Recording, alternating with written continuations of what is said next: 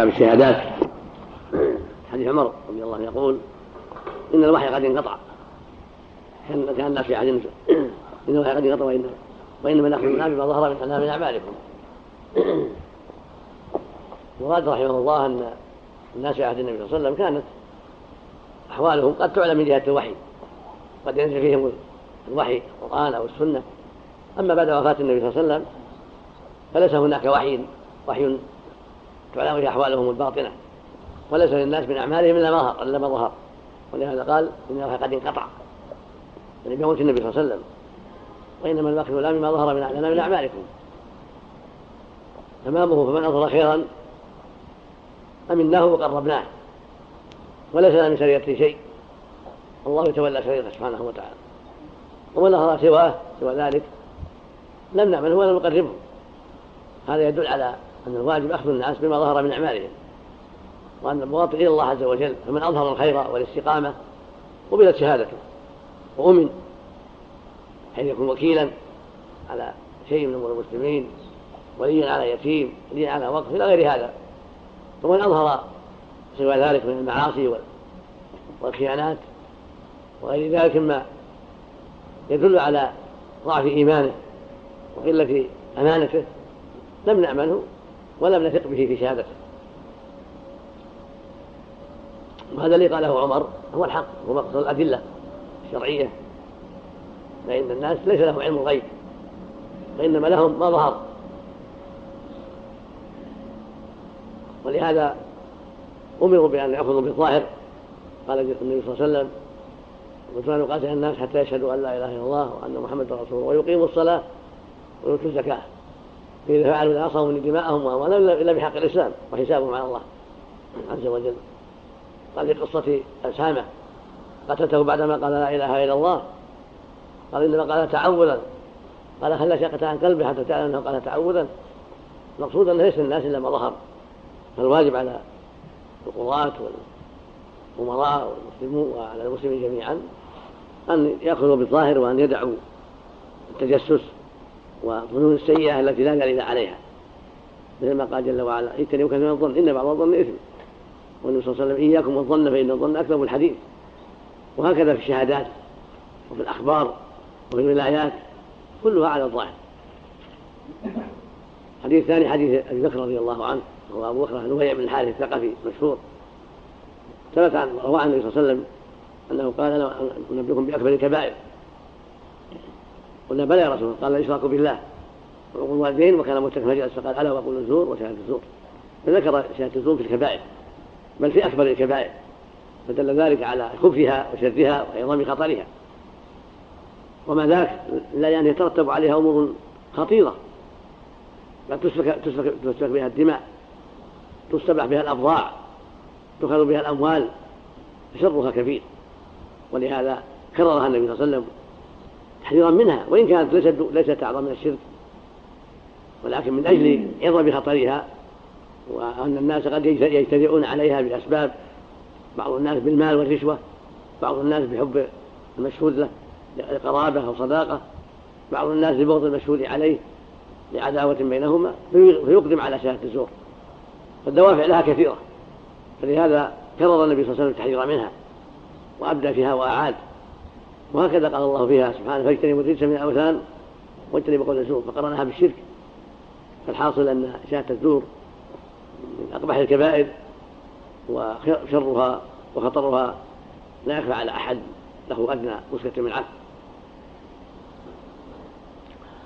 ويستحق صاحبها التعزير البليغ إذا عرف وعلم التعزير البليغ الذي ينفر غيره منها بما يراه ولي الأمر من ضرب. وسجن وطواف بالأسواق من يطاف بالأسواق على حمار أو غيره ويضرب يبين له يبين للناس أن هذا جزاء من يشهد بالزور إلى غير هذا من العقوبات التي يراها ولي الأمر. ثم تختلف. شهاده الزور تختلف. قد تكون في قتل تكون أعظم. قد تكون في دون قتل من الجلد قد تكون في أموال عظيمة. قد تكون في أموال حقيرة. كل ما عظم أثرها عظم شرها. حديث ثامن حديث أبي هريرة حديث ابن عباس رضي الله عنه قضى بالشاهد واليمين. هكذا حديث أبي هريرة الشاهد واليمين. جاء في هذا الباب أحاديث وآثار. وقد ذهب جمهور أهل العلم إلى الحكم بالشاهد واليمين في الأموال وما يتعلق بالأموال. لأن بقضى بذلك عليه الصلاة والسلام وهي قضايا معينة. ولأن الأموال أمرها أسهل من الحدود والقصاص. ولهذا قضي فيها بالشاهد واليمين. وربما قضى بالشاهد عليه الصلاة والسلام إذا برد في الثقة كما في قصة سلم سلم بن الأكوع سلم أبي قتادة الأنصاري. المقصود أن أن الشاهد واليمين يقضى بهما في الحقوق المالية. وقد يقضى بالشاهد وحده إذا كان معروفا مبردا في الشهادة. لأن جانب المدعي تقوى به قوة عظيمة. فاكتفي به في حقه وإذا كان هناك ضعف جبر باليمين فيكلف المدعي باليمين. وهذه سنة الشرع. كان جانب المدعي أقوى جبر باليمين. وإلا فليس لخصمه إلا يمين المدعى عليه. ولهذا في القسامة لما تقوى جانب المدعين باللوث قبلت قسامتهم وأيمانهم في صاحبهم. وهكذا إذا وجد دلائل تدل على صحة دعوى المدعي حكم له بها لأن البينة ما بين الحق وأظهره. وإذا احتيج إلى اليمين أخذ منه اليمين.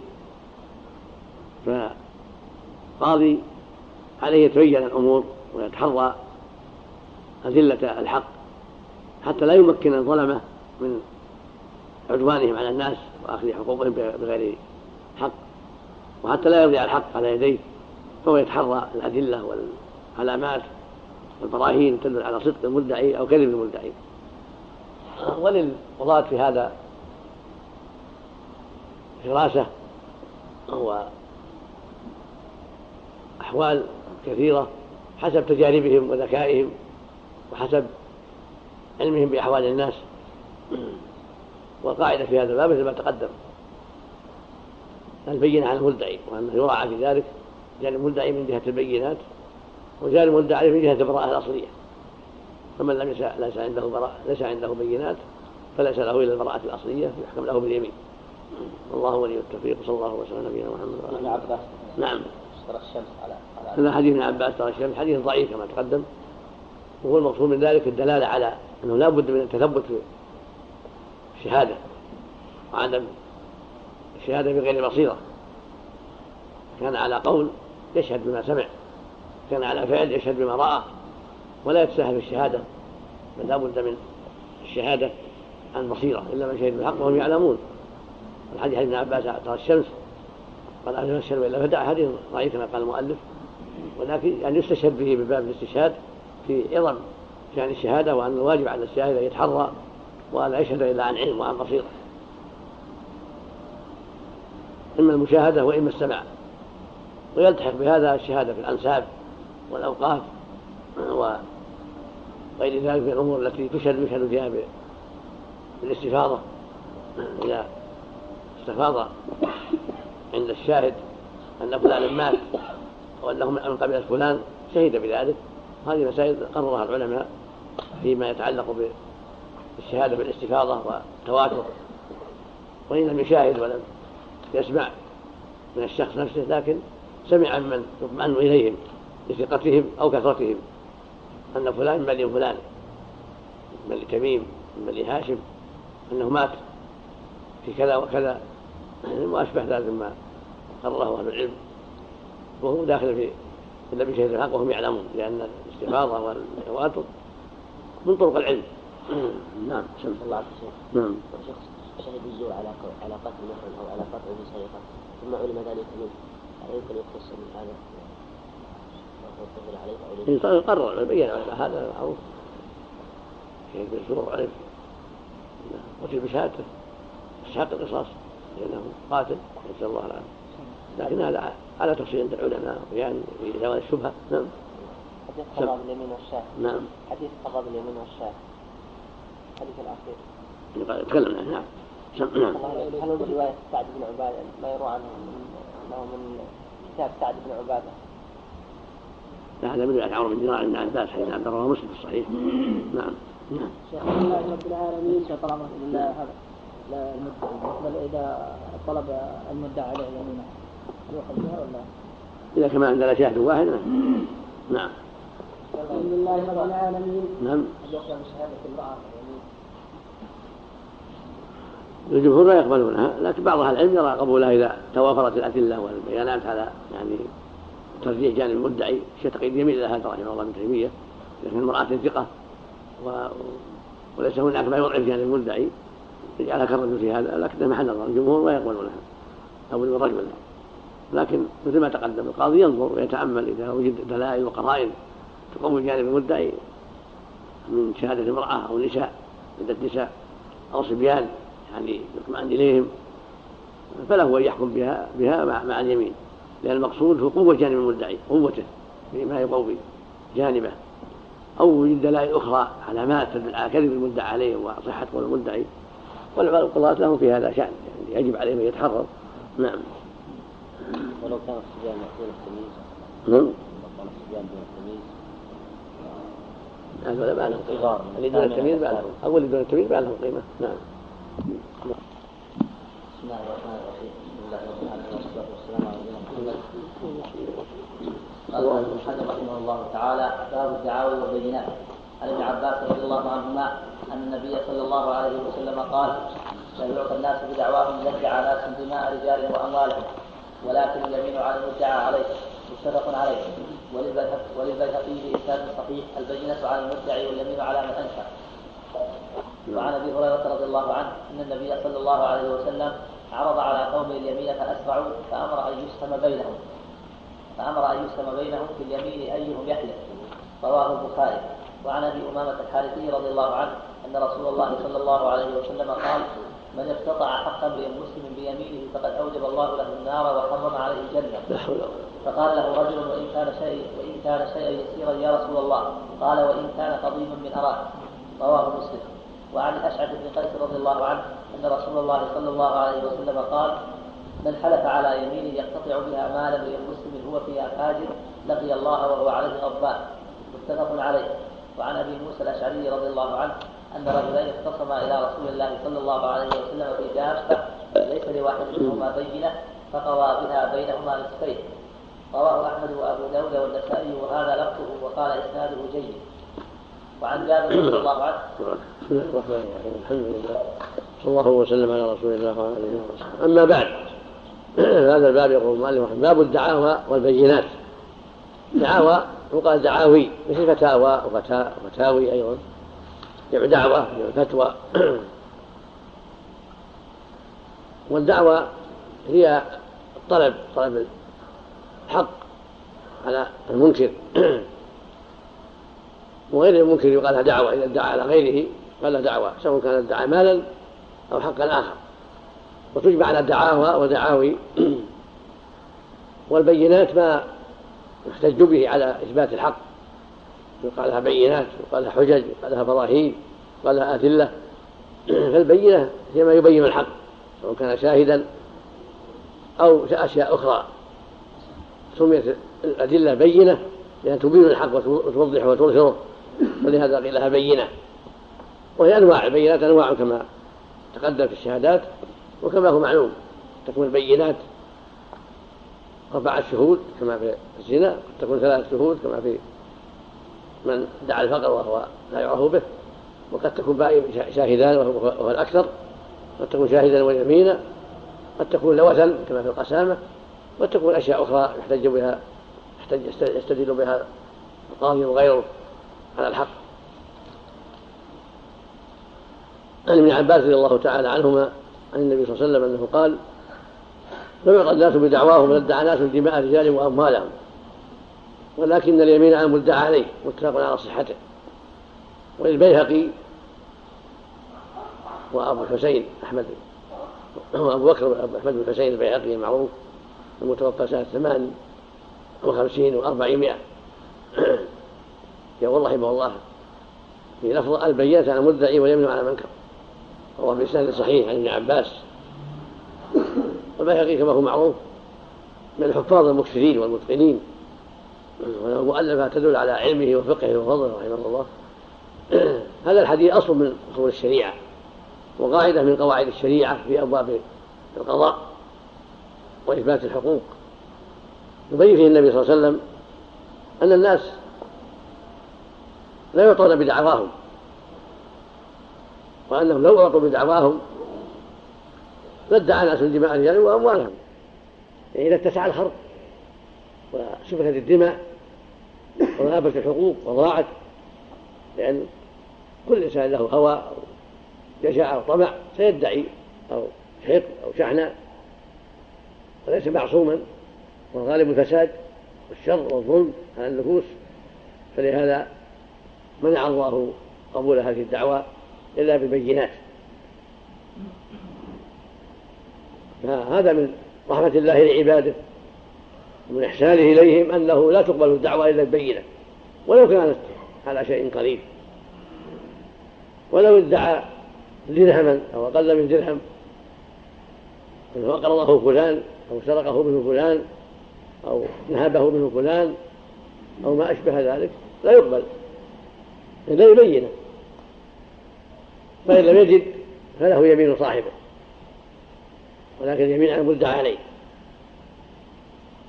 المدعى عليه الأصل فيه البراءة تكتفي باليمين. وأخذ العلماء من هذا الحديث قاعدة أن الجانب الأقوى يكفي فيه اليمين والجانب الأضعف يحتاج إلى بينة.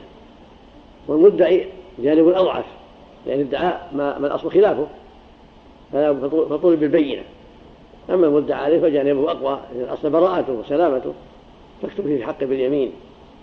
فيقول والله ما, ما ليس عندي هذا الحق أو ما عندي له هذا الحق أو ما أشبه من الأيمان المناسبة للمقام. ويبرأ بذلك. والقضايا في هذا الباب كثيرة ومن هذا الحديث الأشهر في الصحيحين. شاهدك أو يمينه قال يا رسول إنه رجل فاجر لا يبالي ما حلف عليه. قال ليس لك إلا ذلك. فاليمين على الكافر والمسلم جميعا. هكذا قصة اليهود في قتيل عبد الله بن سهل قال يا رسول الله بقى لكم ايمانهم قالوا تقوموا كفار فليس لكم إلا ذلك.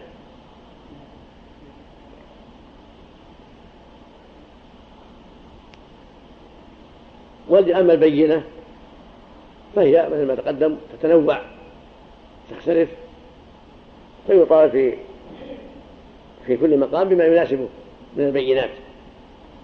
كان مدعي كان مدعى زنا فلا بد من أربعة شهود أو لواط كذلك. وإن كان مدعى مال سرق مني كذا أو اقترض مني أو نهبني مال أو اشترى مني كذا فلا بد من الشهيدين أو الشهادة مع اليمين. فإن كان المقام مقام آخر كالقتل والحدود فلا بد من الشاهدين. وقد يوجد بينات تنفع المدعي ليست من هذه الأشياء لكن ينظر فيها القاضي ويتأملها. فإذا كان يتقوى جانب المدعي بأشياء أقوى من اليمين بحق المدعى عليه حكم بها القاضي بعلامات وأمارات وقرائن تدل على صدق المدعي وهذا يختلف بحسب اختلاف القضاة والناظرين في هذه الأمور من الأمراء والشرط والهيئة ونحو ذلك من أهل الحسبة يختلف في ذكاء وينظر في هذا وفطنته وقوة علمه وعدم ذلك. والحديث الثاني حديث أبي هريرة رضي الله عنه عن النبي صلى الله عليه وسلم أنه عرض على قوم اليمين فأسرعوا كل واحد قال أنا أحلف فأمر يسأل بينهم أيهم يحلف. رواه البخاري. جاء في رواية أبي داود والنسائي أن رجلين تنازعا في متاع في أيديهما. فعرض عليهم اليمين فأسرعوا. فأمر يسأل بينهم أيهم يحلف فيكون متاع له. في حديث أبي موسى الخامس من هذا الباب اختصم إليه صلى الله عليه وسلم استخصاف دابة ليس لهم بينة وقضى بها بينهما. تنازع الناس تنازع أهل العلم في هذا في هذا الحديث وما جاء في معناه. حديث أبي هريرة حديث أبي موسى وما جاء في معناهما. فيما إذا تنازع اثنان في متاع بأيديهما أو في يد ثالث لا يدعيه. فدل حديث أبي هريرة على أنهما إذا تنازعا ولم يصطلحا على أن يقسم بينهما فإنه يقال لهم تحلفون. فمن حلف فهو له عند عدم البينة. فإن أسرعوا وأحب كل واحد أن يحلف وقع بينهم. فمن قرع حلف فهو له. فإذا تنازعوا مثلا عباءة أو ثوبا أو إناء أو ما أشبه ذلك في أيديهما أو في يد ثالث لا يدعيه. قيل لهما اصطلحا على هذا بينكما وينتهي الأمر. فإذا اصطلحا على أنه بينهما واقتسمانه فلا حاجة إلى الحكم بعد ذلك. فإن أبيا فاليمين فمن حلف فهو له عند عدم البينة. فإن تشاحا في اليمين قال كل واحد أنا أحلف أقرع بينهما فمن قرع من ظهرت القرعة حلف وأخذ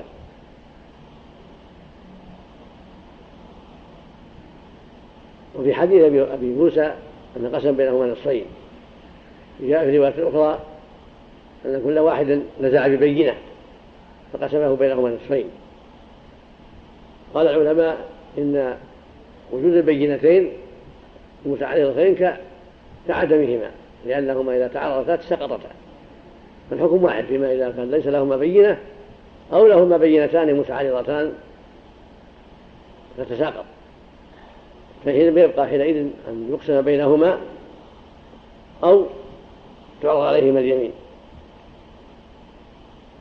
والأقرب في هذا والله أعلم أنهما أنهما إذا كان الشيء بينهم وفي أيديهم يتصرفون فيه فهو بينهما. ولعل هذا هو الذي فعل الذي وقع في قصة أبي موسى. مثل أرض بينهم دابة قال ارتحلاها أو ركباها أو شبه ذلك هذه بينهم. ولهذا حكم بين هذا لأن أيديهما عليها. وهم يتصرفون في هذا الشيء تصرف الملاك. فدعوى أحدهم أنه مختص به دعوى غير صحيحة.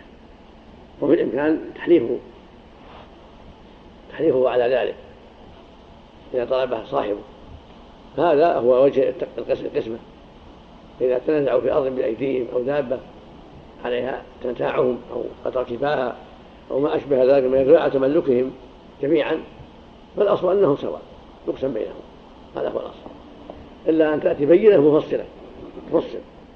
أما إذا لم تكن أيديهما على شيء بل كانت في يد ثالث أو وجدت ساقطة في الأرض مطروحة في الأرض أخذاها تنازع فيها. هذا هو محل. أن يخيروا في في أحد أمرين. إما اليمين إذا إذا تراضوا عليها وإما بالقرعة عند التنازع. عند اليمين يكتفى باليمين إذا تسامحوا بها ولا حاجة إلى القرعة فإن لم يكتفوا باليمين وتنازعوا كل واحد يقول أنا أحلف فالإسهام كما في حديث أبي هريرة. وبهذا تنتظم الأدلة الواردة في هذا الباب ولا ولا يبقى إشكال في هذا. هذا هو أحسن ما قيل في هذه المسألة. نعم.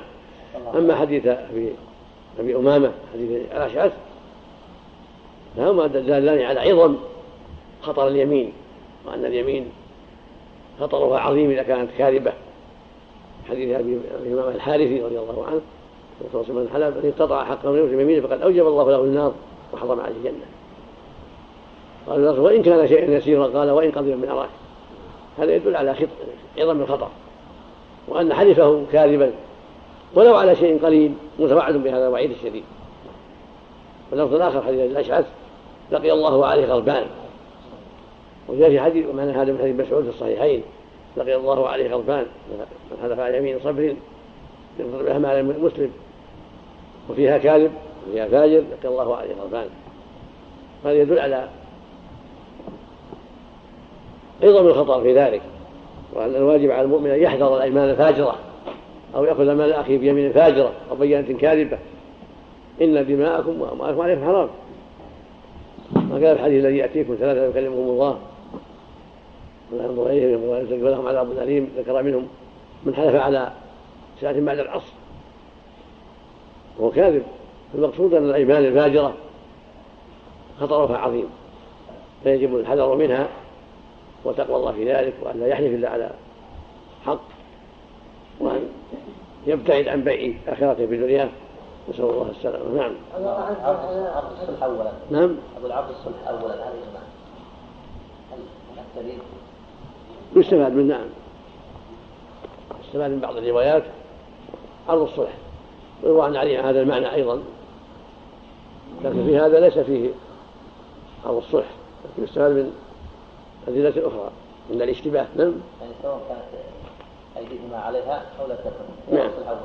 نعم إذا إذا صلح يكون أسلم للقلوب وأبعد إلى أبعد عن الشحناء وأقرب إلى التحاول والصفاء. فإذا تشاحوا أو تشاحا عدل إلى الأمر الثاني. نعم. عفى الله عنك واحد نعم. إذا وجد أمارات أو قرائن ترجح جانب المدعي مثل ما تقدم. فهل يجوز يعني؟ تعتبر بينات إذا اقتنع بها القاضي.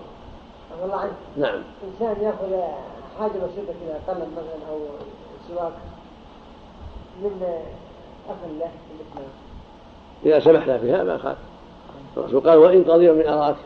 وما يأخذ وما يأخذ بالقوة ما يجوز يأخذ بالقوة. لا ولو سواك أما إذا سمح ما في بأس. نعم. ما عنده نساها وكذا نعم. نساها مع أخذ قلم منه وبعدين نساها إذا ذكر يعيده إليه. إذا ذكر يعيده إليه.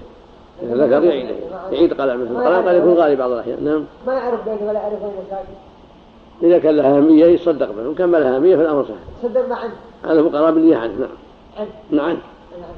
نعم. نعم. عبد الصلح الله أولا. قبل في, في كل قضية. القاضي مثلا كل كل ما جاء مع وجود مع وجود البينات مع ظهور الحق ما ما يصلح محل. لكن لو إنسان عفى عنه الصلح عند الاشتباه أو آه، خشية الشحناء. نعم. إذا كان من باب يعني من باب تلافي ما قد يقع في القلوب. نعم. من مثل مثل قضية بين بين أقارب أو بين أهل قرية. نعم. يعني يخشى من الحكم فيها. ما... ما... خطر يعني يخشى ضرر. يرى ولي الأمر أن الصلح بينهم أو لا. نعم.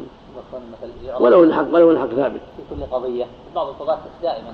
مثلا أعظم شيء مثلا الدم. عرفوا أن فلان قاتل وان وأن القصاص ثابت. وعرض عليهم الصلح بأموال يسمحون فيها عن القتل. لأنه لو قتلوا ربما افضت الحالة إلى شحناء كبيرة. نعم. فعرض عليهم ولي الأمر أن يعطيهم ديات. كثيرة لأن في هذا مصلحة للقرية أو مصلحة لل- للأسرة. نعم. ما في بأس. نعم. ليس من شرط ليس من شرط الصلح أن يكون الحق مجهول. لا ما هو بشرط ولو كان الحق معلوم. نعم. يكون دائما عفى الله تعرض الصلح. وفي كل قضايا الصلح مثلا أو أغلبها. آه، ما عندي خبر في هذا. إلا إذا كان عنده جهل إذا كان جاهل إذا كان عنده جهل في يعني في القضية التي يعني فيها الصلح الواجب بيان الحكم الشرعي.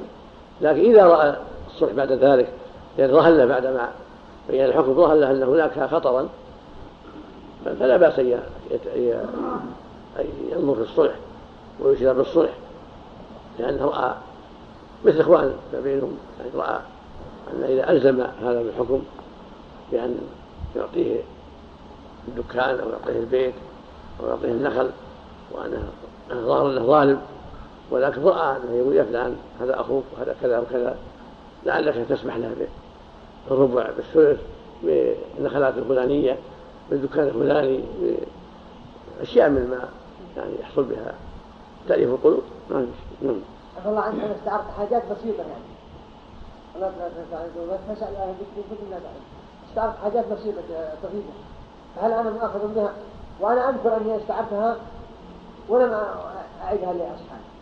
إذا استعرتها أعدها إليه ولكن إذا ما أعرف أعرف مثل ما تقدم. تصدق بها نعم. نعم. أنا متعمد في بقائها عندي عليك التوبة والاستغفار والصدقة. ها؟ عليك التوبة والاستغفار والصدقة جميعا إذا ما عرفتهم صدق إذا. إذا جهلتهم واستقصيتهم وسألتهم ولا حصلتهم تصدق بها عنهم وإذا جاءوا تغرمها لهم إلا أن يسمحوا بالصدقة. نعم. نعم. اللهم اغفر بسم الله الرحمن الرحيم. الحمد لله رب العالمين. والصلاة والسلام على نبينا محمد. وعلى آله وصحبه أجمعين. قال الحافظ بن حجر رحمه الله تعالى وعن جابر رضي الله عنه أن رسول الله صلى الله عليه وسلم قال من حلف على منبر هذا بيمين آثمة تبوأ مقعده من النار. رواه أحمد وأبو داود والنسائي وصححه ابن حبان. وعن أبي هريرة رضي الله عنه قال قال رسول الله صلى الله عليه وسلم ثلاثة لا يكلمهم الله يوم القيامة ولا ينظر إليهم ولا يزكيهم ولهم عذاب أليم. رجل على كل ماء بالفلاة يمنعه من ابن السبيل. ورجل بايع رجلا بسلعة بعد العصر فحلف بالله لأخذها بكذا وكذا فصدقه وهو على غير ذلك. ورجل بايع إماما لا يبايعه إلا للدنيا فإن أعطاه منها وفى وإن لم يعطه منها لم يفي. متفق عليه. وعن جابر رضي الله عنه أن رجلين اختصما في ناقة فقال كل منهما نسجت عندي وأقام بينة فقضى بها رسول الله صلى الله عليه وسلم لمن هي في يده. وعن ابن عمر رضي الله عنهما أن النبي صلى الله عليه وسلم رد اليمين على طالب الحق رواهما الدار قطني وفي إسنادهما ضعف. وعن عائشة رضي الله عنها قالت دخل علي النبي صلى الله عليه وسلم ذات يوم مسرورا تبرق أسارير وجهه. فقال ألم تر إلى مجزز المدرج نظر آنفا إلى زيد بن حارثة وأسامة بن زيد. فقال هذه الأقدام بعضها من بعض. متفق عليه. بسم الله الرحمن الرحيم. الحمد لله وصلى الله وسلم على رسول الله وعلى آله وأصحابه. ومن سلك سبيله واهتدى بهداه إلى يوم الدين. أما بعد هذا الحديث حديث جابر بن عبد الله الأنصاري رضي الله عنه وعن أبيه. يقول صلى الله عليه وسلم من حلف على منبر هذا بيمين آثمة تهوى مقعده من النار. فأضل الواسع عليه لعنة الله والملائكة والناس أجمعين. لا يقبل الله صرفا ولا عدلا كما رواه النسائي من حديث أبي أمامة. هذا يدل على غلظ اليمين عند قبل عند منبره صلى الله عليه وسلم.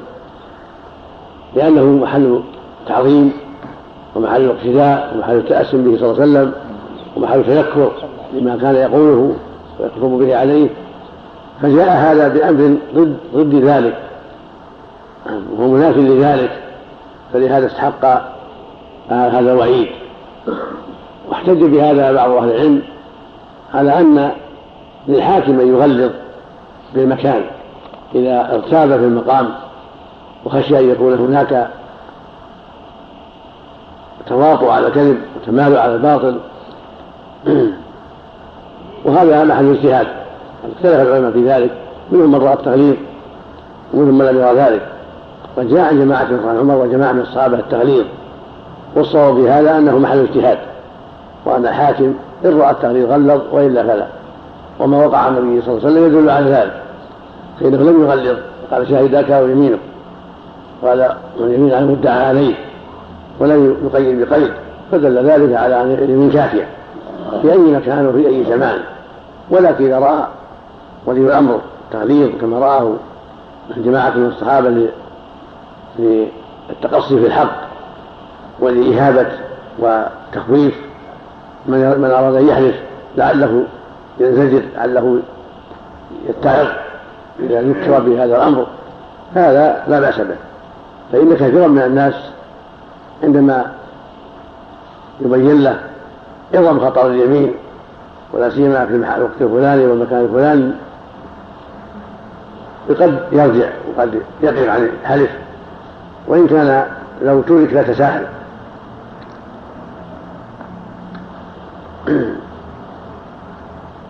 والناس أقسام. منهم الورع عظيم الإيمان.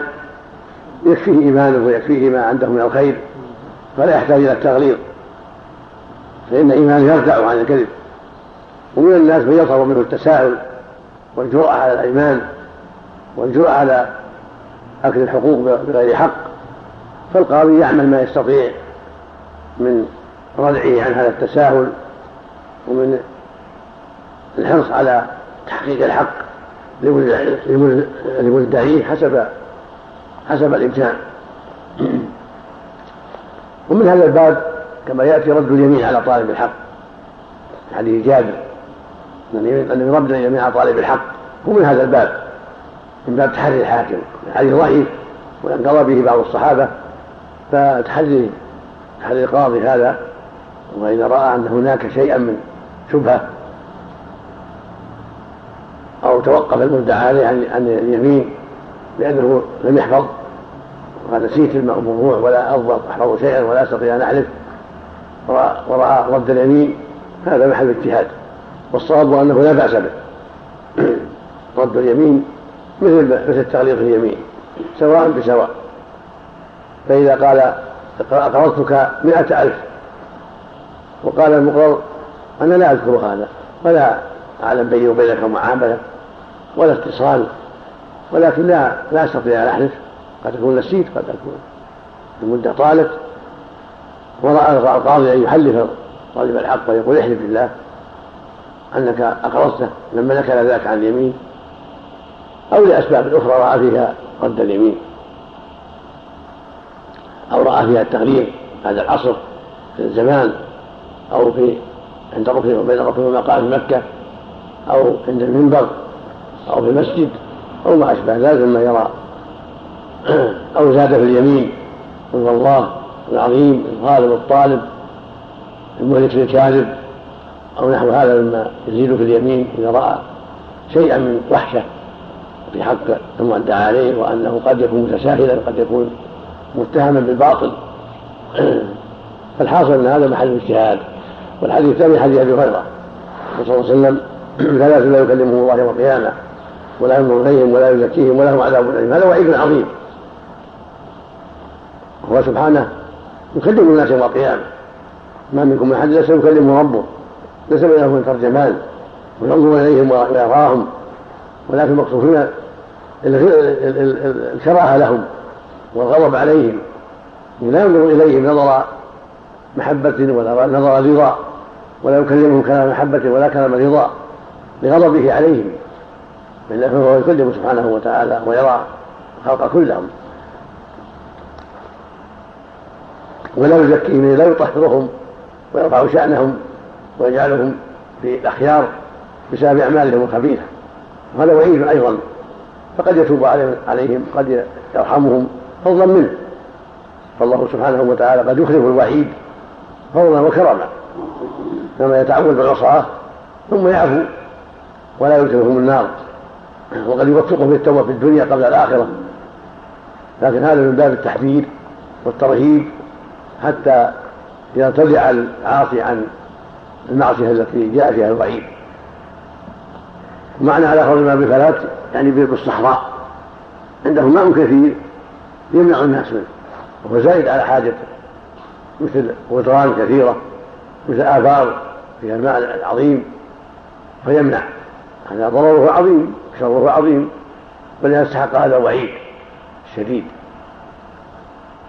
الثاني رجل بايع المسلمة العصر فقال له إن أخذ بها كذا وكذا في لفظ أعطي بها كذا وكذا.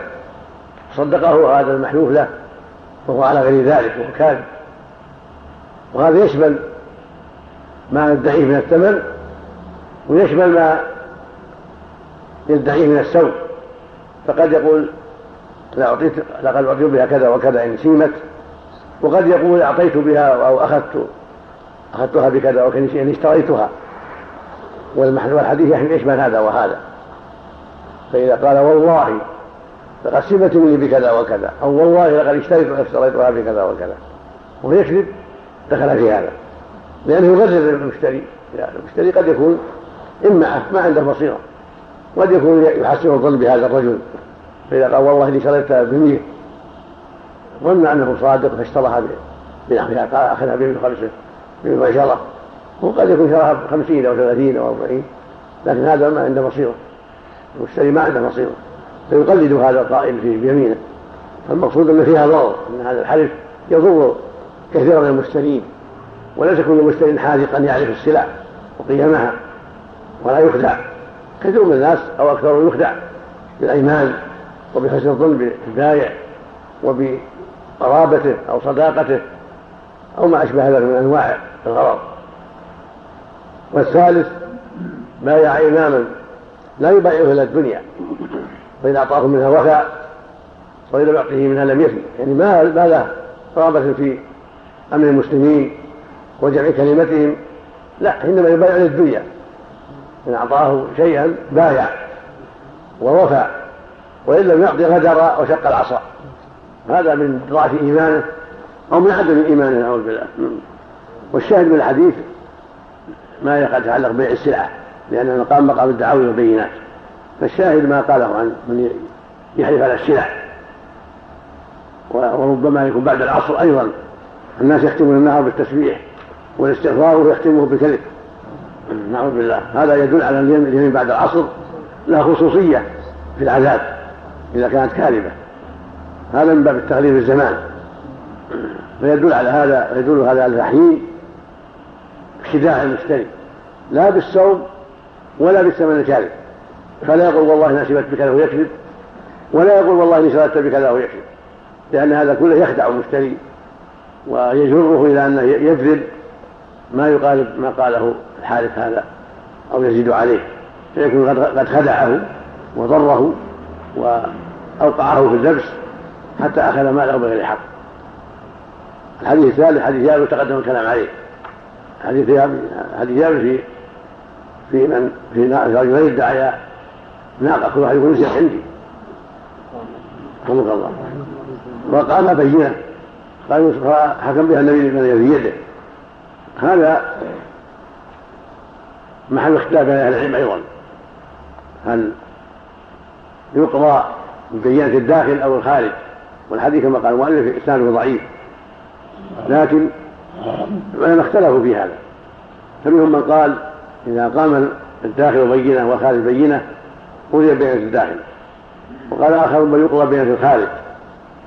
وقال آخرون بل تساقط البينات وليس له إلى اليمين على المدعى عليه. والصواب في هذا والأظهر في هذا أن البينة بينة الخارج بينة المدعي.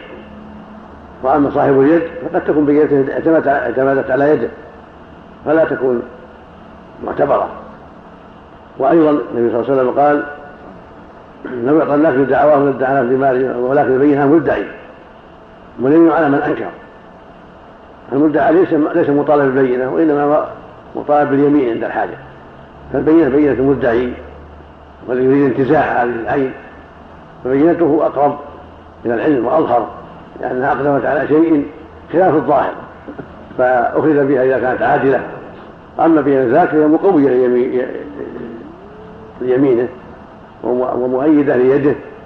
واليد اتضح بالبينة أنها خائنة واليد غير مستقيمة. فالصواب في هذا هو الانقلاب ببينة الخالق. وأن وأن المدعي تقبل بينته إذا كانت عادلة ويقضى على المدعى عليه وإن كان عند المدعى عليه بينة. لأنها في الغالب تعتمد على يده وعلى مشاهدة هذا الدار هذه الدار في يده أو هذه الأرض أو ما أشبه أو هذه الدابة. فإذا اختصم خصمان في أرض فقالت فقال المدعيين لبين أنها أرضي وأن هذا اغتصبها وزرعها بغير حق. وقال صاحب الذي في يد الأرض أنها أرضي. وقال بين بأنها أرضه. فإن المدعي الذي قام بينة بأنها اغتصبت منه. وأنها أرضه وأن اليد هذه يد خائنة وأن بينته إما كاذبة وإما قد أحسنت الظن بيده فلا يقضى له ببينته ولا بيمينه ولكن يقضى للمدعي لأنه صاحب البينة هو إذا كانت البينة صالحة للقضاء مثل السيارة مثل المطية ومثل البيت والدكان وأشبه ذلك. أما الحديث الرابع حديث رد اليمين تقدم الكلام عليه وأنه يجوز للحاكم رد اليمين إذا رأى ذلك تقوية لجانب المدعي لأن الإنسان قد ينقل لأسباب والأصل أنه يقضى عليه بالنكول إذا قال احلف فأباء يقضى عليه وعليه يسلم الحق فإذا ادعى عليه في مائة ألف ريال ثمن مبيع أو قرض أو وديعة وكذا على اليمين رضي الله عنه. أمير المؤمنين ورابع الخلفاء الراشدين وأحد العشرة المسلمون بالجنة وأحد وأحد الشجعان والفرسان والدهاة رضي الله عنه وأرضاه. يقول النبي صلى الله عليه وسلم قال له إذا تقاضى إليك اثنان فلا تقضي الأول حتى تسمع كلام الآخر. وعلي هذا رضي الله عنه هلك فيه طائفتان طائفة جفت, جفت في حقه وسبته. وطائفة غلت فيه كالرافضة وعبدته من دون الله. واعتدل فيها السنة والجماعة. فعرفوا له قدره وترضوا عنه. وعرفوا أنه من خيرة الصحابة. وأنه أفضلهم بعد الثلاثة بعد الصديق وبعد عمر وعثمان. وأن الواجب عدم الغلو فيه وعدم النصر. فلا هذا ولا هذا. يجب أن يعطى حقه من العدالة. وهو أحد العشرة مشهورهم الجنة وهو رابع خلفاء الراشدين وهو أحد السابقين الأولين رضي الله عنهم وأرضاهم. فالغلو فيه والعداوة له كلاهما منكر وكلاهما من عمل من ظلم نفسه. نسأل الله العافية. يقول رضي الله عنه إذا تقاضى إليك اثنان يقول النبي صلى الله عليه وسلم إذا تقاضى إليك اثنان يعني خصمان فلا تقضي الأول حتى تسمع كلام الآخر. فسوف تدري كيف تقضي وقاعدة إذا جاء الأول يكون الآخر والأول والآخر حتى تسمع كلام الثاني. المعنى أنك إذا استوفيت الكلام منهما صار أقرب إلى أن تصيب الحق. فلا تبادر بالحكم عندما تسمع كلام الأول. لا ولو كان ظاهرا حتى تسمع كلام الآخر الآخر وما عنده من الجواب. قال فما زلت غاليا بعد يعني لما عرفت القاعدة وأن كان من أذكى الناس وأعلمهم وأفضلهم وأفقههم رضي الله عنه وأرضاه. وهذا يدل على وجوب تثبت القاضي وعدم العجلة. لا يجوز أن يعجل بمجرد سماعه الخصم الأول بل لابد أن ينتظر حتى يستوفي كلام الشخصين أو الطائفتين أو الفرقتين. حتى يستوفى حججهما وكلامهما نظر بعد ذلك وحكم. والله أعلم. الله هنا الآخر هنا. نعم. الآخر بمعنى الثاني. هنا يعني لكن ما دام ذكر الأول في القاعدة أن إذا ذكر الأول يكون الثاني بكسر الآخر.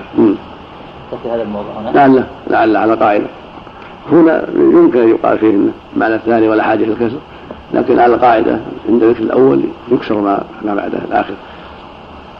وهو المتأخر يعني. الله.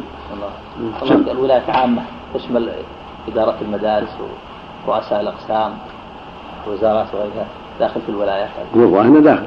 بس اصطلحوا تسمية إدارة ولا مدير المدرسة أمير أمير على الموظفين والطلبة. نعم. نعم.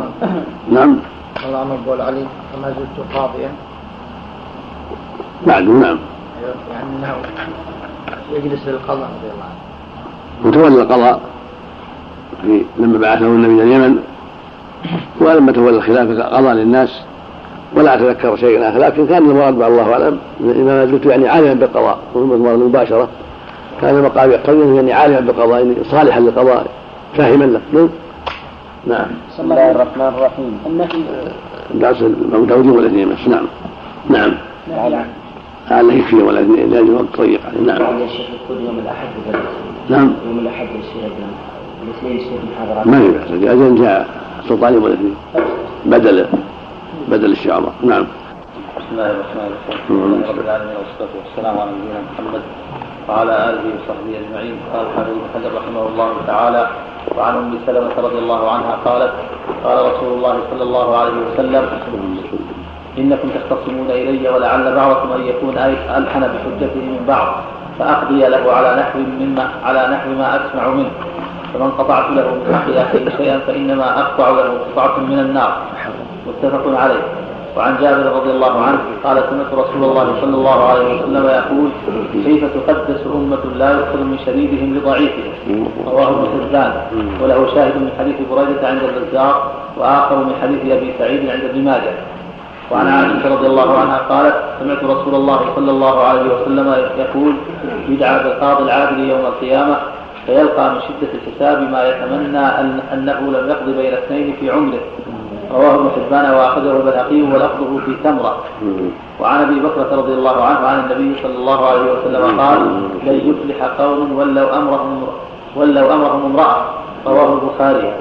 وعن أبي مريم الأزدي رضي الله عنه عن النبي صلى الله عليه وسلم قال من ولاه الله شيئا من أمر من أمر المسلمين فاحتجب دون حاجتهم وفقيرهم احتجب الله دون حاجته أخرجه أبو داود والترمذي. وعن أبي هريرة رضي الله عنه قال لعن رسول الله صلى الله عليه وسلم الراشية والمرتشية في الحكم. رواه أحمد والأربعة وحسنه الترمذي وصححه ابن حبان. وله شاهد من حديث عبد الله بن عامر عند الأربعة إلا النسائي. وعن عبد الله بن الزبير رضي الله عنهما قال قضى رسول الله صلى الله عليه وسلم أن الخصمين يقعدان بين يدي الحاكم رواه أبو داود وصححه الحاكم. بسم الله الرحمن الرحيم. اللهم صل وسلم على رسول الله وعلى آله وصحبه. أما بعد فهذه الأحاديث بقية أحاديث القضاء في هذا القضاء مثل ما تقدم. أمره خطير وجوانب الخطر فيه متعددة. تارة بالتقصير في طلب أدلة الحكم. وتارة بالميل إلى أحد المتخاصمين وتارة بأنواع أخرى من التقسيم حديث سلمة رضي الله عنها صلى الله عليه وسلم إنكم تختصمون إلي ولعل بعضكم يكون ألحن بحجة من بعض فأقضي له أنا ما أسمع. من قطعت له من حق أخيه شيئا فإنما أقطع له قطعة من النار. متفق عليه. وفي رواية زيادة فليحملها أو يذرها هذا إذا كان الرسول صلى الله عليه وسلم يقول هذا الكلام وهو أعلم الناس وأتقاهم لله وينزل عليه الوحي من السماء خلاف بغيره. المقصود أن الخصوم قد يغتر بهم القاضي بسبب بلاغة بعضهم وحسن أسلوبه وقوة كلامه وربما التبس الأمر بأسباب ذلك. وربما حكم له. لكن يجب عليه أن يعلم أنه متى عرف أن الحكم في غير حقه وأنه ظالم فإن الحكم لا لا ينفعه. ولو كان الحاكم رسول الله صلى الله عليه وسلم. هذا الحكم الذي لم يصادف الصواب في نفس الأمر لا ينفعه ولا يحل له ما حرم الله عليه من حق أخيه.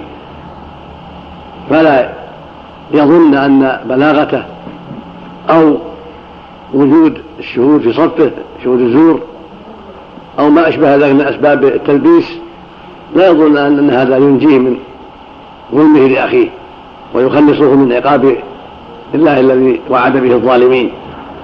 هذا فيه الحذر من أخذ المال بغير الحق بالشهود الزور أو بالبلاغة والفصاحة وعي الخصم الثاني وعدم قوته في الدفاع. فليتق الله ولينصف من نفسه وليعطي الحق الذي عليه ولا يكن همه قصده أن يغلب ولو بالباطل. ولا حول ولا قوة إلا بالله. وفي الحديث الثاني حديث جابر يقول صلى الله عليه وسلم كيف تقدس أمة لا يؤخذ من شديدهم بضعيفهم أخرجه وحبان وذكره.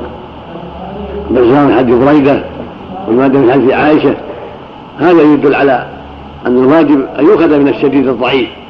بعض الناس ما يستطيع أن أن يأخذ حجته ويقدمها ولا يستطيع أن يخاصم كما ينبغي بل يغلب. فالواجب على الأمة يعني على أعيانها وعلمائها وأمرائها وقضاتها أن ينصفوا الضعيف وأن لا يدعوا الشديد يغلبه حسب ما ظهر له من حالهما. المقصود لا بد من عناية بالضعفاء وإعطائهم حقوقهم ولا يتركوا فريسة للأقوياء والأشداء. ومن كانت صفته هذا من كانت صفته التساهل بحق الضعفاء فإنه لا يقدس لا يزكى ولا يستحق من الله ما يستحقه المنصفون العادلون المقسطون. من التوفيق والرحمة والإحسان ورفع المنزلة. بل أمة يظلم ضعيفها لا تقدس. ويدخل في المعنى والله أعلم يعني لا ترحم ولا توفق. فإن التقديس التزكية ورفع الشأن. فإذا كانت لا تبالي جديرة بأن تهان وتذل ويسلط عليها الأعداء. لا حول ولا قوة إلا بالله. حديث خامس حديث عائشة. عن النبي صلى النبي عليه السلام أنه قال يؤتى بالعقاب العادل يوم القيامة. فيقع من شدة الحساب ما يتمنى أنه لم يقضي بين اثنين في عمره. إذا ولا مرة واحدة. لذلك البيهقي في تمرة واحدة التمر واحدة التمر المعروف. يعني أنه يتمنى أنه ما ولي القضاء بكلية ولا حكم في شيء. وهذا على كل حال مهما كان من حاله فهو وعيد وتحذير وترهيب من أمر القضاء. مع قد النظر عن حال الإسناد فإنه يفيد الحذر. وسكوت المؤلف عليه بعزم ابن حبان والبيهقي والسكوت يدل على أن إسناده صالح ومناسب. ولهذا سكت. المقصود أنه يفيد الحذر. وإن كان الحاكم بحمد الله إذا اجتهد له أجران إذا أصاب وأجر إذا أخطأ. لكن شدة الحساب لها تعلق بحقوق الناس وأموال الناس وكيف تصرف فيها وكيف فعل كذا وكيف فعل كذا. هذا يشعر بأن هناك أمرا كبيرا وعظيما فيما يتعلق بحسابه وسؤاله عما فعل وعما تساهل فيه وعما فرط فيه. وهذا يفيد الحذر وأن الواجب على القاضي أن يحذر غاية الحذر التساهل في أمر القضاء. وأن يوصف الناس ولو لم يعجل ولو تأخر في القضية لابد يوصف ويتأمل لا يعجل في الأمور العجلة معها الندامة فليتأمل حتى يطمئن إلى أن القضاء في محله وأنه وفق للصواب فيه قد تلتبس الأمور على القاضي وهي واضحة بسبب كثرة الخصوم وإعجازهم وإيذاء بعضهم فتلتبس عليه الأمور ويود أن يخلص منهم فربما تساهل. فالواجب عدم العجلة وألا يبالي بحرصهم وأن يزجرهم عما لا ينبغي وأن يأمرهم بالأدب الواضع المناسب حتى لا يزعجوه ولا يؤذوه. ومن تساهل مع الخصوم آذوه وأتعبوه وساءوا الأدب لكن لابد من قوة قوية من غير ضعف. قوية من غير عذر من غير ضعف. لابد من قوة تردع. الخصوم من سوء الأدب. فإن سوء الأدب قد يشغل قلبه ويؤذيه. فربما أخطأ بسبب ذلك. هكذا حديث أبي بكر رضي الله عنه. الثقافي والنبي صلى الله عليه وسلم لن يفلح قوم ولى أمره امرأة رواه البخاري. كان ذلك بسبب لما تولى لما ولى الفرس ابنة كسرى وبلغ النبي خبرهم لن يفلح قوم ولى أمره امرأة. المقصود أنه لا يجوز تولية النساء أمور المسلمين بضعف المرأة وتأثرها كثيرا بغيرها. فالواجب ألا تولى أمور المسلمين العامة كالإمارات والقضاء وأشباه ذلك. أما ما يتعلق بأمور دون ذلك كولاية اليتامى اليتامى أولادها اليتامى كولاية وقف وصية كولاية مدرسة للنساء أشبه ذلك لا حرج لأن هذه أمور يمكنها أن تقوم بها. ولهذا وكل عمر حفصة رضي الله عنها في وصيته لسدادها وفضلها والمقصود أن المقصود من هذا النهي عن الولايات العامة التي قد يخشى منها على المسلمين. أما الولايات الخاصة على وقف فلان أو وصية فلان أبيها أو أخيها أو ولاية الأيتام أيتامها أو ما أشبه ذلك أو عمادة المدرسة النسائية أو إدارة أمر يتعلق بالنساء. كل هذا أمور لا بأس بها وليست داخلة في الحديث لأن المراد العموم أمرهم من أمر المسلمين أمر الرعية. الحديث الرابع سابع حديث أبي مريم الأزدي. يقول صلى الله عليه وسلم من ولاه الله شيئا من المسلمين احتجم عن حاجتهم وفقيرهم احتجب الله دون حاجته وفقره. هذا وعيد عظيم وله شواهد من عدة أحاديث تدل على وجوب إنصاف الوالي للناس وبروزه لهم. وجعل من يبلغه حاجاتهم حتى لا تضيع الحاجات. فإما يبارز بنفسه بنفسه ويتولى بنفسه أو يولي الثقات الذين يبلغونه حاجات الناس وترفع إليهم حاجات الناس حتى تصل كل إنسان حاجته. كل إنسان حاجته. المقصود من هذا يفيد وجوب العناية من ولي الأمر بالضعفاء والمساكين وألا يحتجب عنهم فتضيع حقوقهم. وقد يكون ذلك بإشرافه بنفسه أو إشرافه بنفسه وقد لا يستطيع ذلك فيكون لديهم من المعاونين والأخيار من يعينه على ذلك. هكذا حديث أبي هريرة وعبد الله بن عمرو في لعن الراشي والمرتشي. الراشي باذل الرشوة والمرتشي قابل الرشوة.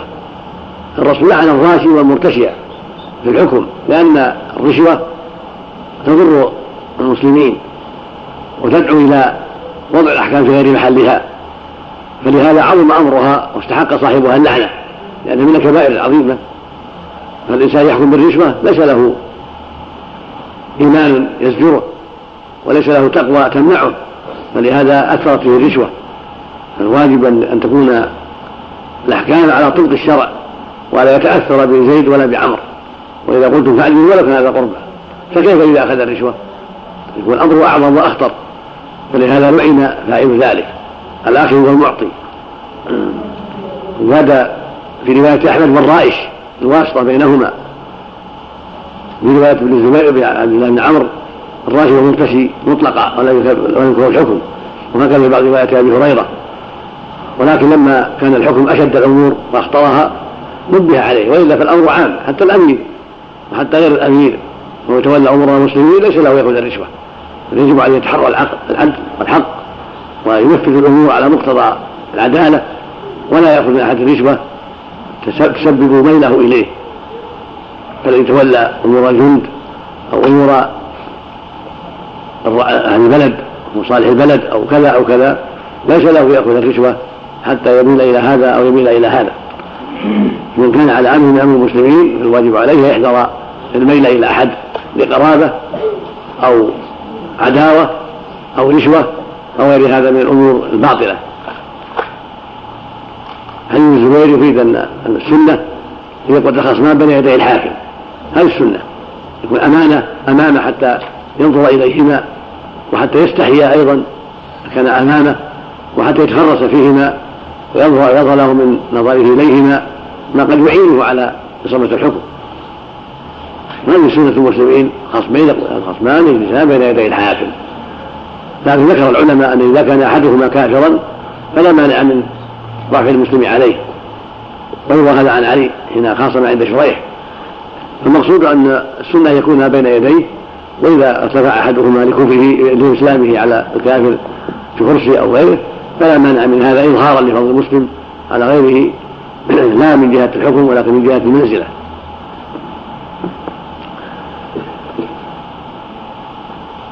وتقدم أنه لا يقضي لاحد خصمين على الآخر حتى يحضر وحتى يسمع كلامهما جميعا كما تقدم في حديث علي. فوجودهما بين يديه مما يعينه على فهم القضية والتوصل فيها حتى يحكم على بصيرة. لكن يجوز الحكم على الغائب عند دعاء الحاجة إلى ذلك. إذا كان الغائب يتملص من الحضور ويتفلت من القوة ويحرص على الغيبة لا لا يقر على باطله. بل يحكم عليه وإن كان غائبا لأن بعض الناس إذا عرف عرف أن الحكم عليه وأنه مأخوذ قد يغيب وقد يختفي. فللحاكم أن يحكم عليه بالبينة الشرعية وإذا كان له دعوة بعد ذلك يقدمها حتى ينظر فيها. ولا يترك صاحب الحق يضيع. والله أعلم. حديث بدعة بدعة بالقاضي العادل.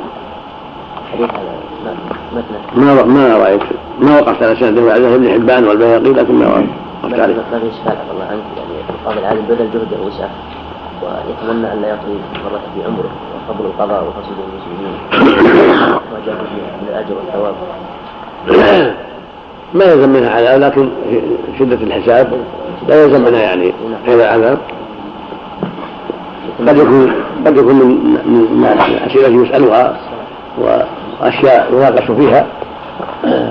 المسألة فيها فيها نظر يعني. يتمنى أن يقضى بين ولا مرة واحدة. على كل حال هو المتن فيه بعض الإشكال ولكن هو جاء به من باب الترغيب ومن حيث الترغيب. والله أعلم. في النفس من صحته النظر وفي النفس من صحته شيء ولكن هو من باب الترهيب نعم. نعم. ولية المرأة. نعم. خاصة المسلمين أم الكفار. نعم. المرأة. يكون على المسلمين عدم الفلاح أو على الكفار. إذا ولية أمر المسلمين أو ولية أمر الكفار يكون عدم الفلاح. عام بارك الله فيك. ولن يلحق قوم نكرة في ساق النفي. يعم الكفار والمسلمين جميعا. نعم. نعم. نعم. إذا اختفى أحد الخصمين إذا كان المختفي هو المدعي لما رأى أن الحكم اتجه عليه أو ترك. المدعى عليه. المدعي يدور أو الذي يدور المدعى عليه هم المدور إذا سكت إذا تركوا لكن إذا دعت الحاجة إلى يحكم عليه أمان إذا دعت الحاجة إلى يحكم حتى لا يؤذي المدعى عليه ولا يسأله ما في مانع لكن الغالب أن المدعي إذا اختفى لا يدور. نعم.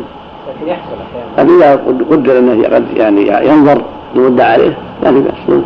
يحصل هذا شيخ عفى الله نعم. أقول هذا يحصل كثيرا في المحاكم. المدعي إذا رأى أن ليس له دعوة اختفى. وهذا المدعي الحاكم ينظر الأمر اذا كان يحتاج المدعى عليه أن المدعي يحكم عليه يحكم عليه. بما يبطل دعواه حتى لا يعود مره أخرى هذا شيء إلى الحاكم. اذا راى مصلحة في ذلك. كثير من القضاة يأخذ يعني كلمة الفقهاء المدعي من إذا ترك ترك هذا الاصل المدعي من إذا ترك ترك المدعى عليه إذا ترك لم- يترك بل يطالب هذا الأصل. كان تركه من باب الخداع من باب النهى هذا عاد ينظر على ولي الأمر ان ينظر في هذا.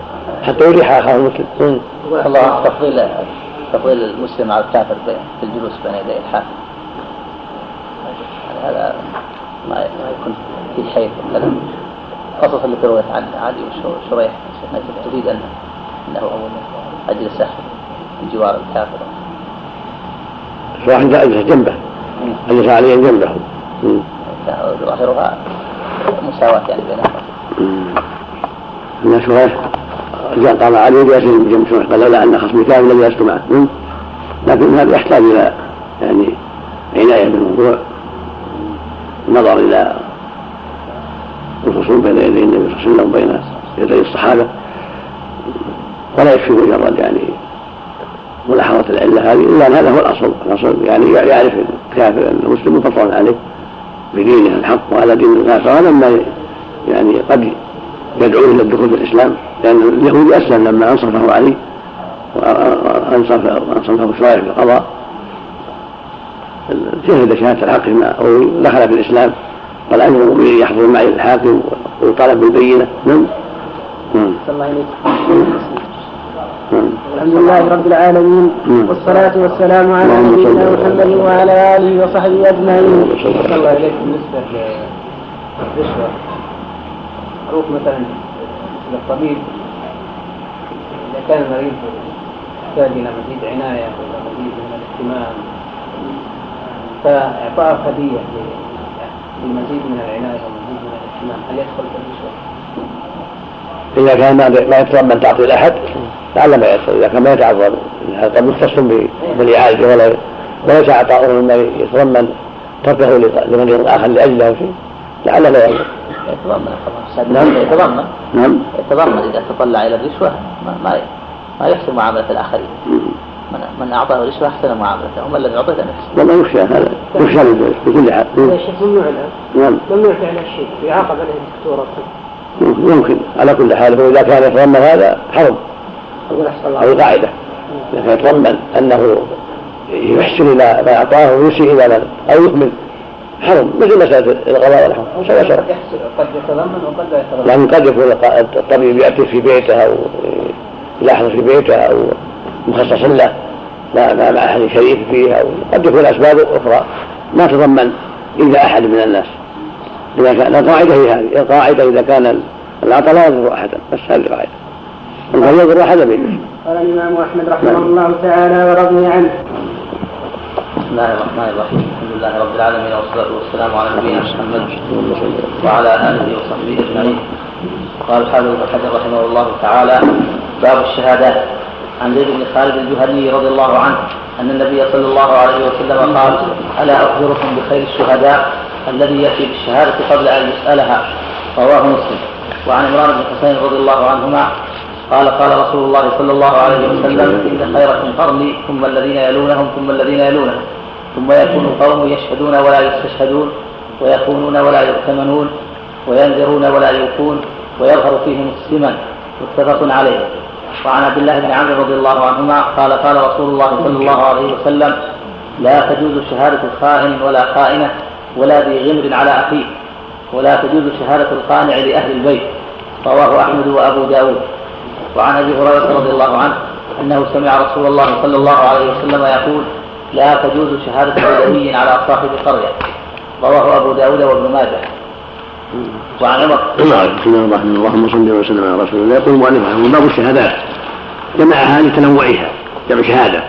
والشهادة أنواع على الحدود وعلى القصاص وعلى القلب وعلى الأموال في أنواع.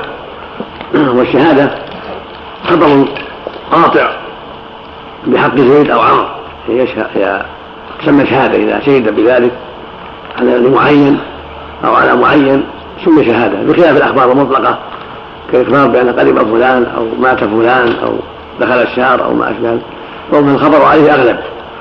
أما ما كان لمعين فالغالب عليه اسم الشهادة وإن كان يسمى خبرا لكن الغالب عليه اسم الشهادة. لأنه لمعين يخصه يثبت له حقا و أو يثبت عليه حقا. وهي حق على من الذي شهاده يجب عليه أداؤها إذا كان لصاحبها فيها مصلحة ومنفعة. قال الله جل وعلا ولا تكتموا الشهادة. ومن يكتمها فإنه آثم قلبه. فهي واجبة متعينة على من الذي هذه الشهادة. إذا كانت في مصلحة المشهود له فيجب عليه الأداء ولا سيما عند الطلب والحاجة إليها. وأما بالزور فهي محرمة ومن أعظم الكبائر. لأن الله جل وعلا قال فاجتنبوا الرجس من الاوثان واجتنبوا قول الزور. وأخبر النبي صلى الله عليه وسلم أنها من أكبر الكبائر حيث قال الا انبئكم أكبر الكبائر ثلاثا ثم ذكر منها شهاده الزور نسأل الله العافية. ثم في الشهادة أمر آخر وهو أنه يجب عليه أن يتحرى وأن يتثبت حتى يؤديها كما سمع أو كما علم أو كما شاهد حتى لا يظلم أحدا لا المشهود له ولا المشهود عليه. فلا بد من العناية بما يؤدي وأن يضبط ذلك ويحفظه. ويأتيكم في آخر الباب. ان النبي قال درج ترى الشمس وإن كان حديثا ضعيفا. لكن من باب الاستشهاد. المقصود أن المهم التثبت. قال تعالى الا من يشهد بالحق وهم يعلمون.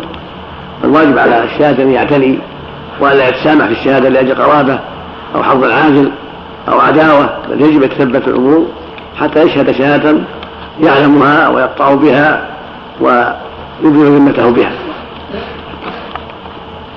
الحديث الأول حديث بن خالد الجهني الصحابي الجليل رضي الله عنه. النبي صلى الله عليه وسلم قال ألا اخبركم بخير الشهداء؟ الذي ياتي بالشهادة قبل أن يسألها. خرجه مسلم صحيح هذا الحديث عند أهل العلم محمول على من يجهل الشهادة أو أو يظن أنه نسيها. هذا هو الذي يبادر له بالشهادة ويؤتى بالشهادة قبل أن يسألها لئلا تضيع عليه. وهو غير ما ذكر في حديث عمران يشهدون قبل ولا يستشهدون.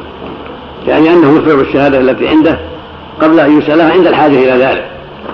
وهو ظن أنه جهلها أو ظن أنه نسيها أو ما أشبه ذلك من الأسباب التي تدعو إلى تقديمه لها لا تساهلا بها ولا استخفافا بها ولا تقربا بها لطمع ولكن لأجل اداء الواجب. هذا هو محمل الجمهور لهذا الحديث. قال بعضهم ان هذا محمول على الشهادات العامة التي تنفع المسلمين كشهادة الحسبة على أهل المنكرات. وما أشبه ذلك مما يتعلق بمنفعة العامة لا بمعين بمعين. ولكن قول الجمهور هذا هو الأولى قال بذلك. يعني الشهادة التي يخشى من ضياعها إذا لم يؤدها لنسيان صاحبها لها أو جهله بها أو نحو ذلك من الأمور التي تجعله يمتنع من طلبها أو لا يستطيع طلبها. لأن القاعدة المعروفة أن النصوص يجمع بينها بالأوجه الصالحة. المناسبة لقاعدة الشرع ومقاصد الشرع. وقد صح في الحديث الثاني حديث عمران النبي صلى الله عليه وسلم قال خير أمتي قرني ثم ليلونهم ثم ليلونهم هذا في فضل القرون الثلاثة. وقد جاء هذا المعنى في عدة أحاديث. حديث ابن مسعود وحديث عمر رضي الله عنه في مسند وغيره. وهذا حديث حديث عمران بن حصين كلها تدل على فضل القرن الأول وقرن الصحابة قرن النبي صلى الله عليه وسلم. وانه خير الناس وأفضل الناس الصحابة رضي الله عنهم وأرضاهم. ومن كان في زمانهم من كبار التابعين والعلماء والأخيار. لفظ الآخر خير الناس فيعم قرنه يعم أمته وغيرهم كما حديث مسعود. خير الناس قرني. فالصحابة هم خير الناس.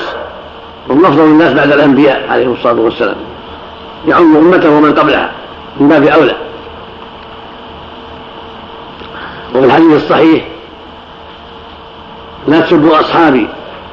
ولن بيده لو أنفق أحدهم إلى ذهبا ما بلغ مد أحدهم ولا نصيفه. هذا فضل عظيم لا يداريه أحد. ثم الذين يلونهم ومن جاء بعدهم من الأخيار التابعين ومن كان في زمانهم من الأخيار. ثم الذين يلونهم كذلك في القرن الثالث. واختلف القرن. قد استقر الآن على أن قرنه مئة عام. والخلاف فيه معروف. إلى عشرة عشرة أعوام وقيل عشرون وقيل إلى على ما ذكره أئمة اللغة. لكن استقر الآن بين أهل العلم أن القرن هو مئة عام. لأن في الغالب ينقرض فيه أهله. بل موجودون في أول القرن الرابع عشر في الغالب ينقرضون في آخره. وهكذا الموجود في الخامس عشر في أوله في الغالب ينقرضون في آخره. ما يبقى منهم إلا النادر أو لا يبقى أحد. ولهذا في قول قال النبي صلى الله عليه وسلم في آخر حياته لا يبقى بعد ساعة هذه بعد مئة عام عين تطرف. قالوا أراد بذلك انقراض القرن وذهاب القرن لا قيام الساعة كما هو الواقع. هذا يدل على أن المئة المئة في الغالب أنها قرن يزول ويأتي قرن آخر وهذا هو الغالب.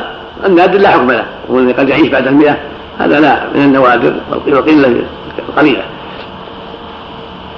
وفي هذا فضل القرون الثلاثة التي فيها الصحابة فيها التابعون فيها أتباع التابعين ومن لحق لحق بهم. ويدخل في ذلك قرن مالك وأبي حنيفة والشافعي وأحمد والبخاري وأشباه بلاد هذه المئة الثالثة. وإن كان الشرق قد كشف الثالثة وكثر لكن أهل العلم كثيرون والعباد والصلحاء كثيرون والأخيار كثيرون قد قامت بهم الحجة وانتشروا في البلاد وأظهروا السنة وعلموها الناس ثم صار الشر أكثر. القرن الرابع وبعده. ولهذا قال بعد ثم يكون بعدهم قوم يشهدون ولا يستشهدون. يعني يبالغون بالشهادات الباطلة شهادة الزور ويستحقون بالشهادات ويأتون بها من دون حاجة إلى أن يأتوا بها. ولهذا في حديث مسعود تسبق شهادة أحدهم يمينه ويمينه شهادته؟ لقلة الإيمان وضعف الإيمان وعدم الإيمان في بعضهم. ويخونون ولا يؤتمنون. يعني تظهر بينهم الخيانة. لقلة الإيمان أو عدم الإيمان. فيكونون في أماناتهم التي لله والتي لعباده. فيكونون في الصلاة ويكونون في الزكاة ويكونون في الصيام ويكونون في الحج ويكونون في غير هذا من العبادات ولا يؤدونها كما شرع الله. ويكونون في أمانات الناس وحقوقهم من الرهون والودائع والأوالي وغير هذا من أمانات الناس. بسبب ضعف الإيمان في بعضهم وعدمه في بعضهم وإن تظاهر بالإسلام. وينذرون ولا يوفون ينذرون النذور الكثيرة ولكن لا يوفون بها لأن هناك ضعفا في القلوب وقلة خوف من الله فلهذا لا يوفون ليس عندهم وازع يزعهم حتى يوفوا. فينذرون الطاعات الكثيرة من الصدقات من الصلوات من الصيام من غير ذلك لكن لا يوفون لأن الإيمان ضعيف أو معلوم فلهذا لا لا يندفعون إلى الأداء. قد قال وقد قال الله في مدح المؤمنين يوفون بالنذر. ويخافون يوما كان شره مستطيرا أما هؤلاء فلضعف إيمانهم أو عدم إيمانهم ينذرون ولا يبالغون ويظهر فيهم السمن العلماء معناه أنهم يستكثرون من الرفاه والنعم ويقبلون على الشهوات فتظهر فيهم علامات ذلك من السمن سمن الأجسام وكبر البطون وغير ذلك مما يظهر من آثار النعم وليس معنى ذلك أن كل سمين مذموم لا.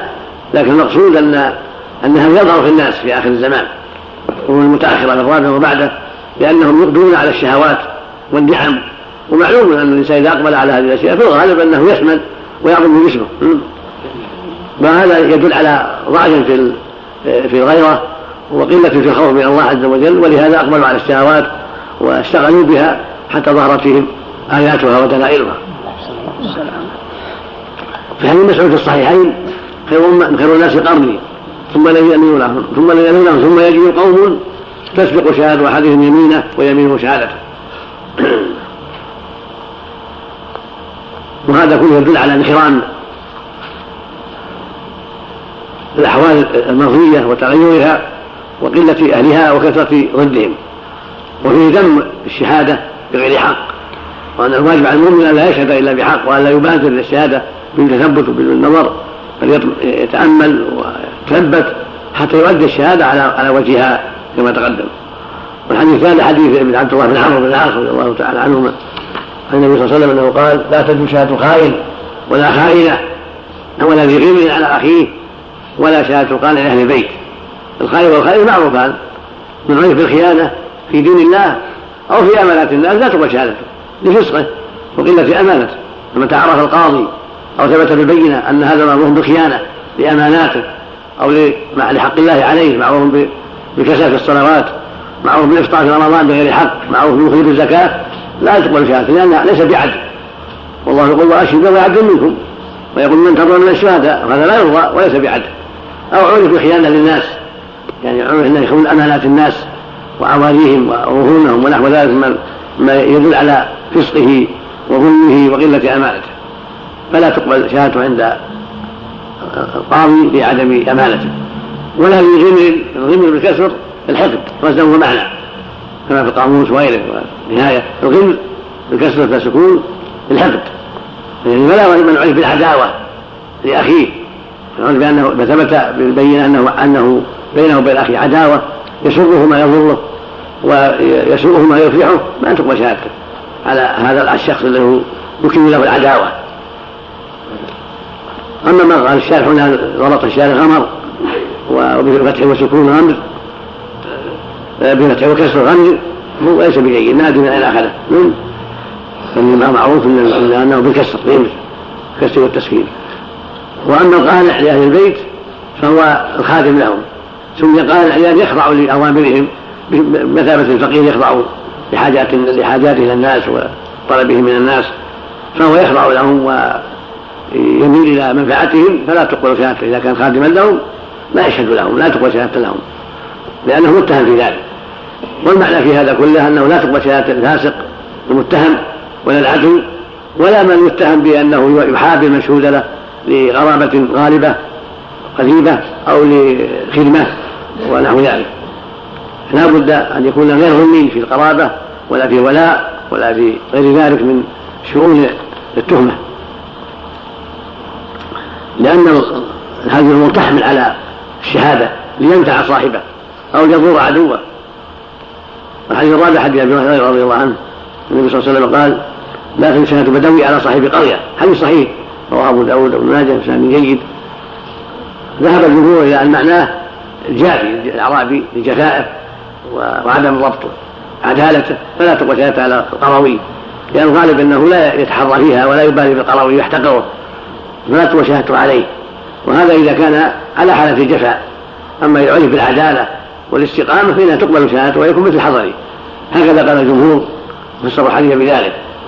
وقد واستدلوا أيضا بحديث ابن عباس النبي قال قال شهادة الأعرابي في رمضان وهو شهادة على الأمة الحاضرة والبادية فالحاصل أن الحديث وإن كان ظاهره عدم قول البدوي مطلقا لكن عند أهل العلم مراد البدوي الذي لا يظهر منه أمارات العدالة والضبط والعناية هذا هذا هو الذي لا تقبل شهادته. أما من عرف بالاستقامة هذا يقبل فالأصل عدم قول شهادة البدوي على الحضري هذا هو الأصل. إلا إذا اتضح من من البدوي استقامة وصلاح وعدم تهمة بعداوه الحضري فلا بأس. وفق الله أمانة الخادم. نعم. إذا اتضحت أمانة الخادم. ما يقبل. ما يقبل لأهل البيت. نعم. الله. في قصة سريح في قصة سريح حينما قصة تقاضي علي واليهودي. استشهد ابنه الحسن ومولاه. فرد شهادة الحسن وقبل مولاه. هذا كان مولاه والله إن صحت إن صحت الرواية. أنه مولاه مو بخادم يعني. ليس بخادم. مجرد أنه عتيق فقط. نعم. شهادة الأخ لأخيه. هذا لا يضر. شهادة الأخ لأخيه. إن كان شريكا لا لا يقبل. إن كان منفرد فيقبل إذا كان عدل. أما إذا كان شريك حالة واحدة لا تقبل. نعم. بعض الناس صلى الله عليه بالنسبة للشهادة في الزواج ما يشهدون الأخ أخ الزوج. مش مستوعب على ما أعرف شيء. أو ما أعرف شيء. إلا إذا كان شريك. نعم إذا كان شريك حال واحدة قد يحتاج إلى شهادة لأخيه صحة النكاح. يعني ينبغي يكون الشهود بعيدين عن التهمة. نعم. نعم. يأثر هذا حتى في الزواج. نعم. إذا كان شريك حتى في الزواج يأثر يخشى يؤثر لأنه قد يكون بينهم نزاع. يحتاج إلى شهادة الأخي نعم. في المهر أو في المهر أو غيره نعم. طيب يا شيخ إذا كان عليه معصية ظاهرة. شهادة لابد من العدالة يعني معصية الظاهر ما يكون عدل نعم. بسم الله الرحمن الرحيم. الحمد لله. نعم. بسم الله الرحمن الرحيم. الحمد لله رب العالمين والصلاة والسلام على نبينا محمد وعلى آله وصحبه أجمعين. قال الحافظ ابن حجر رحمه الله تعالى. وعن عمر بن الخطاب رضي الله عنه انه خطب فقال ان اناسا كانوا يؤخذون بالوحي في عهد رسول الله صلى الله عليه وسلم وإن الوحي قد انقطع وإنما نؤاخذكم الآن بما ظهر لنا بما ظهر لنا من اعمالكم رواه البخاري. وعن أبي بكر رضي الله عنه عن النبي صلى الله عليه وسلم أنه عد شهادة الزور من أكثر الكبائر. متفق عليه في حديث طويل. وعن ابن عباس رضي الله عنهما أن النبي صلى الله عليه وسلم قال لرجل ترى الشمس؟ قال نعم. قال على مثلها تشهد أو دع. أخرجه ابن عدي بإسناد ضعيف. وصححه الحاكم فأخطأ. وعنه رضي الله عنه أن رسول الله صلى الله عليه وسلم قضى بيمين وشاهد. أخرجه مسلم وأبو داود والنسائي وقال إسناده جيد. وعن أبي هريرة رضي الله عنه رضي الله عنه مثله أخرجه أبو داود والترمذي وصححه ابن حبان. بسم الله الرحمن الرحيم. اللهم صل وسلم على رسول الله وعلى آله وصحبه. أما بعد فهذه بقية أحاديث باب الشهادات. حديث عمر رضي الله عنه يقول إن الوحي قد انقطع. كان الناس يعلم ان الوحي قد وان وإنما نحن بما ظهر لنا من أعمالكم. مراد رحمه الله أن الناس في عهد النبي صلى الله عليه وسلم كانت أحوالهم قد تعلم من جهة الوحي. قد ينزل فيهم الوحي القرآن أو السنة. أما بعد وفاة النبي صلى الله عليه وسلم فليس هناك وحي وحي تعلم به أحوالهم الباطنة. وليس للناس من أعمالهم إلا ما ظهر إلا ما ظهر. ولهذا قال إن الوحي قد انقطع يعني بموت النبي صلى الله عليه وسلم. وإنما الوقت الآن ما ظهر لنا من أعمالكم. تمامه فمن أظهر خيرا؟ فمنه يقربناه وليس لنا من سريرته شيء. الله يتولى سريرته سبحانه وتعالى. ومن أخذ سواه سوى ذلك لم نعمل ولا نقربه. هذا يدل على أن الواجب أخذ الناس بما ظهر من أعمالهم. وأن المواطن إلى الله عز وجل فمن أظهر الخير والاستقامة قبلت شهادته. وأمن كان يكون وكيلا على شيء من أمور المسلمين وليا على يتيم وليا على وقف إلى غير هذا. ومن أظهر سوى ذلك من المعاصي والخيانات وغير ذلك مما يدل على ضعف إيمانه وقلة أمانته لم نعمله ولم نثق به في شهادته. وهذا الذي قاله عمر هو الحق هو مقصد الأدلة الشرعية. فإن الناس ليس لهم علم غيب وإنما لهم ما ظهر. ولهذا أمروا بأن يأخذوا بالظاهر قال النبي صلى الله عليه وسلم وكانوا يقاتل الناس حتى يشهدوا أن لا إله إلا الله وأن محمدا رسول الله ويقيموا الصلاة ويؤتوا الزكاة. في فعلوا ناصروا لدماءهم ولم إلا بحق الإسلام وحسابهم على الله عز وجل. قال في قصه أسامة قتلته بعدما قال لا إله إلا الله. قال إنما قال تعوذا. قال خلى شقة عن قلبه حتى تعلم أنه قال تعوذا. المقصود ان ليس الناس إلا ما ظهر. فالواجب على القضاة والأمراء والمسلمين وعلى المسلمين جميعا أن يأخذوا بالظاهر وأن يدعوا التجسس والظنون السيئة التي لا دليل عليها. مثل ما قال جل وعلا إن كان يمكن الظن إن بعض الظن إثم.